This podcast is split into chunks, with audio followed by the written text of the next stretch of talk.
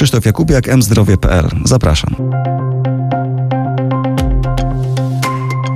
Chciałem powitać profesora e, Jarosława Fedorowskiego, prezesa Polskiej Federacji Szpitali. Doszedł do nas w trakcie audycji właśnie w tym momencie, w którym mówiliśmy o tym, że panie profesorze Włosi, gdyby mieli przyrost 4000 dziennie, musieliby uruchomić Na 500, 500 łóżek, łóżek, 4 szpitale dziennie, tak? 8.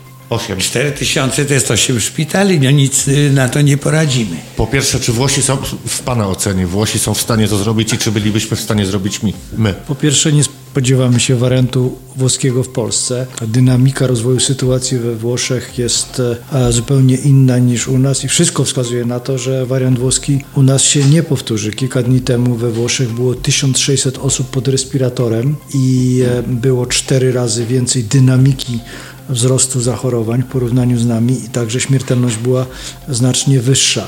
Więc we Włoszech jednak e, wszystko e, świadczy o tym, że jest e, bardzo wysoki wzrost zachorowań w szybkim tempie i w krótkim czasie.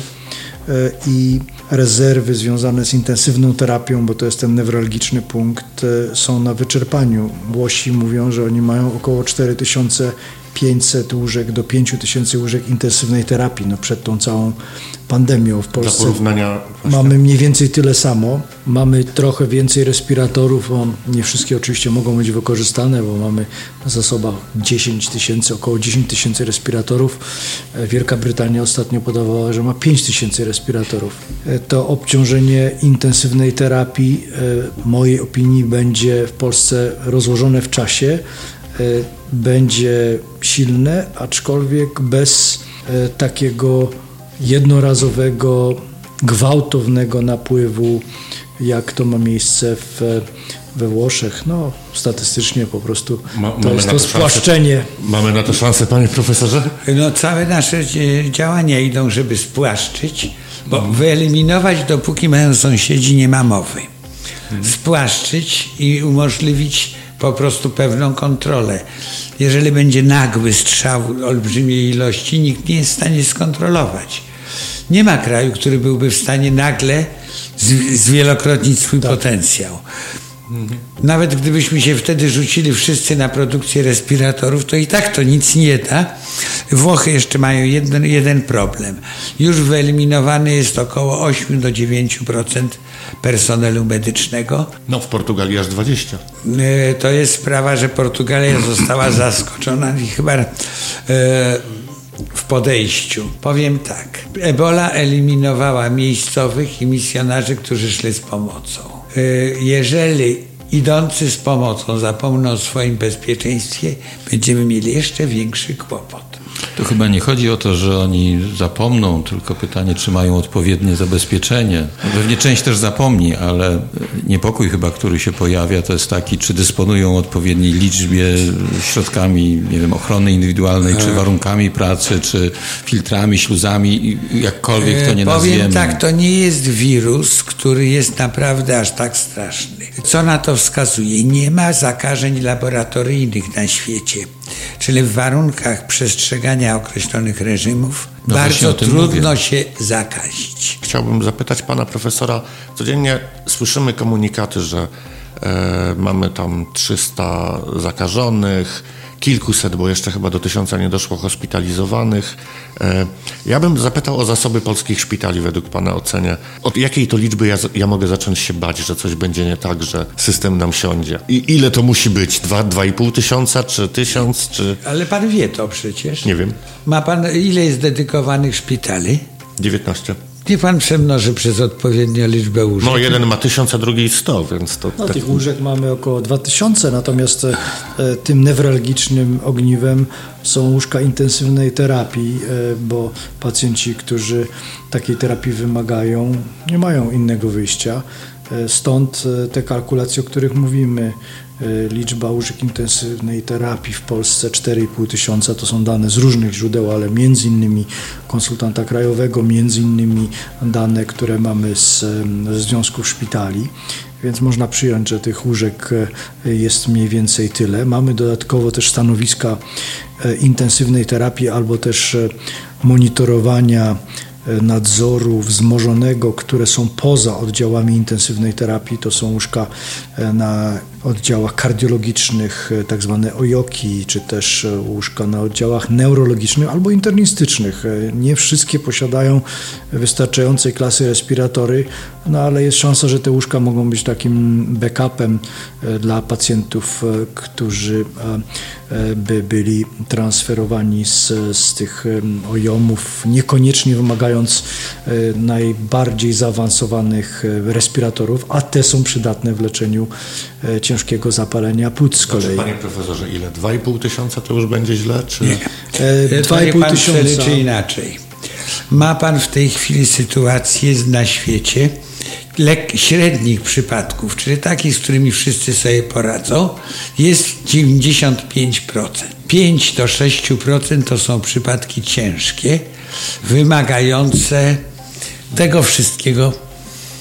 Jeżeli przyjmiemy, że mamy, tak jak było powiedziane, to jesteśmy w stanie wytrzymać 5%, powiedzmy 5 tysięcy już zaokrągle, 100 tysięczną epidemię. Jeżeli pacjenci będą napływali, e, będą przyjmowani na oddział intensywnej terapii stopniowo, e, to wiadomo, że, że to będzie łatwiejsze, aczkolwiek niełatwe, ale łatwiejsze do e, zagospodarowania, do zaopatrzenia niż nagły przypływ w przeciągu kilku dni. Więc ta liczba 100 tysięcy pacjentów e, wygląda na to, że... łagodnego utrzymania czy bardzo łagodnego wzrostu. A myśli nie powinna u nas zdarzyć 100 tysięcy pacjentów. Nie, no.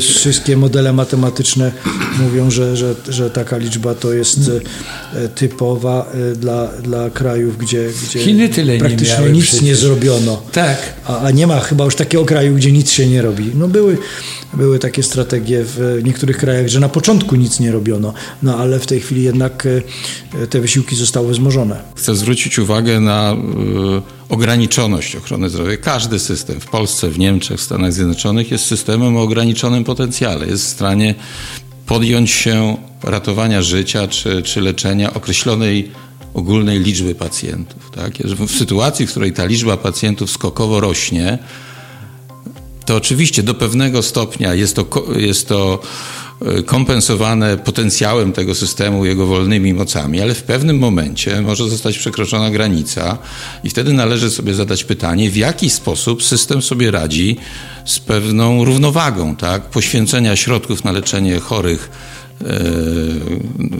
na, na, COVID, na COVID-19 i, i pozostałych chorych. I to, co, to, czego mi brak, w debacie publicznej, to właśnie tej refleksji, że my dzisiaj poświęcamy całą uwagę, e, nie chcę powiedzieć, że całe zasoby, ale olbrzymią e, część e, E, management time, tak, powiedzmy kierownictwa systemu ochrony zdrowia, zarządzania poświęcamy na przygotowanie się z epidemią, podczas gdy gdzieś jednak e, system ochrony zdrowia nadal funkcjonuje, nadal musi utrzymać swoje, e, swoją zdolność do leczenia pacjentów.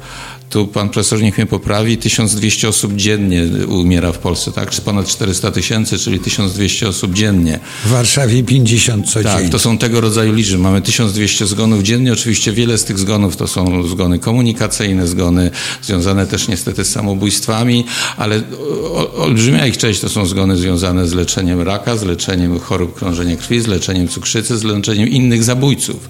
I teraz pytanie, którego, którego mi brak, a przynajmniej dyskusji, chociaż pewnej refleksji, że, że angażując tak poważne zasoby do walki z koronawirusem, nie dokonujemy, a przynajmniej nie słyszałem, no nie uczestniczyłem w takiej dyskusji, ani nie czytałem takich, takich refleksji płynących od organizatorów ochrony zdrowia, w jaki sposób zamierzamy utrzymać e, użyję, przepraszam, angielskiego słowa resilience, odporność systemu ochrony zdrowia w tych pozostałych obszarach. Zacznijmy o tym dyskutować, bo ja nie odpowiem panu redaktorowi na to, w jaki sposób to będzie działało, ale brak mi przede wszystkim dyskusji na ten temat. Tak? System ochrony zdrowia jest w tej chwili bardzo spolaryzowany. Jest e, e, zasada, można powiedzieć, morska, żeglarska, wszystkie ręce na pokład, ale to nie znaczy, że w, w danym momencie nie musimy dbać też o, o innych pacjentów. E, wiadomo, że są priorytety, wiadomo, że część pacjentów może poczekać. E, tym niemniej część pacjentów e, wymaga tej opieki i, i tutaj no, ten zdrowy rozsądek, planowanie, współpraca, rola menadżerów ochrony zdrowia, bo ja staram się podkreślać, że dyrektorzy szpitali tutaj wykonują e, wielką, wielką pracę. Oczywiście personel medyczny tak, e, jak najbardziej i tutaj słowa uznania, ale, ale, ale potrzebujemy tutaj tej rozmowy i potrzebujemy tego zdroworozsądkowego podejścia, wzięcia pod uwagę głosu, głosu menadżerów wspólnie z, z lekarzami, pielęgniarkami, innymi profesjonalistami, na przykład grupa farmaceutów. Bardzo ciekawe wsparcie w tej chwili, odciążenie wręcz lekarzy w sprawach związanych z konsultacjami lekowymi, przedłużania recept, więc musimy myśleć o tych osobach. Niedawno ktoś mnie pytał, jak sytuacja z, w przypadku bólów zęba i to są prozaiczne rzeczy. E, niektóre bóle zęba e, mogą zupełnie czekać, no, a niektóre mogą spowodować bardzo poważne komplikacje i infekcje, więc e, w związku z czym też, też mówmy o tym, jak zabezpieczyć tą, tą, tą populację pacjentów wymagających opieki, leczenia, choroby przewlekłe, ale też nagłe sprawy, chociażby wypadki komunikacyjne. E, tu wspomniał pan doktor Mołdach o, o tych dostępności środków e, ochrony osobistej. Tak, rzeczywiście, one, one są potrzebne, one na całym świecie są w niedostatecznej podaży i w zbyt wysokich cenach, natomiast ich prawidłowe użycie i aplikacja właśnie w, w sytuacji pacjentów zagrożonych inną chorobą w nagłym stanie, no pozwala jednak na, na, na zachowanie bezpieczeństwa personelu medycznego. Striażujmy całą polską ochronę zdrowia. E, w strefie ta czerwona jest ta, wymaga pilnej interwencji. Jest żółta, czerwona i zielona, tak? To co, co wrzucimy do czerwonej prócz koronawirusa? Czy tylko koronawirus? Co do żółtej, a co do tej zielonej, że pacjent może poczekać? Zdaniem pana e, profesora. Strefy y, są dzielone w zależno, akurat w zależności od choroby. W, w przypadku koronawirusa jesteśmy w tej chwili na przełomie gdzieś żółta, czerwona jeszcze na pewno nie jest. Mhm. Ale właśnie to jest to, co wszyscy tutaj mówią. To nie jest jedyna choroba. Problem polega na tym, żeby nie znaleźć się w strefie czerwonej we wszystkich pozostałych. Bo potem jest czarna, ratuj się kto może. Ja jestem w ogóle zwolennikiem triażu, tylko że są dwa rodzaje triażu. Jeden jest w warunkach spokoju, a drugi jest w warunkach e, kryzysu. Ten w warunkach kryzysu ma pewne inne zasady. Triaż polega na wyodrębnieniu w przypadku na przykład katastrof grupy pacjentów o największym potencjale przeżycia. To jest e, e, trudne czasami do zrozumienia, ale to jest pryncypium zdrowia publicznego i medycyny katastrof. My jeszcze nie mamy tej sytuacji i raczej wszystko wskazuje na to, że nie będziemy mieli takiej sytuacji, w związku z czym stosujemy ten tryjaż czasu w pokoju, gdzie, gdzie tak jak powiedział profesor, tutaj jest główną sprawą jednak stopień natężenia opieki, a nie konkretna jednostka chorobowa. Ciężko ciężkość stanu pacjenta. E, I, i tu rzeczywiście e, pacjent e, z zapaleniem płuc COVID-19 w ciężkim stanie to tak samo czerwony pacjent, jak pacjent z ostrą niewydolnością krążenia i obrzękiem płuc.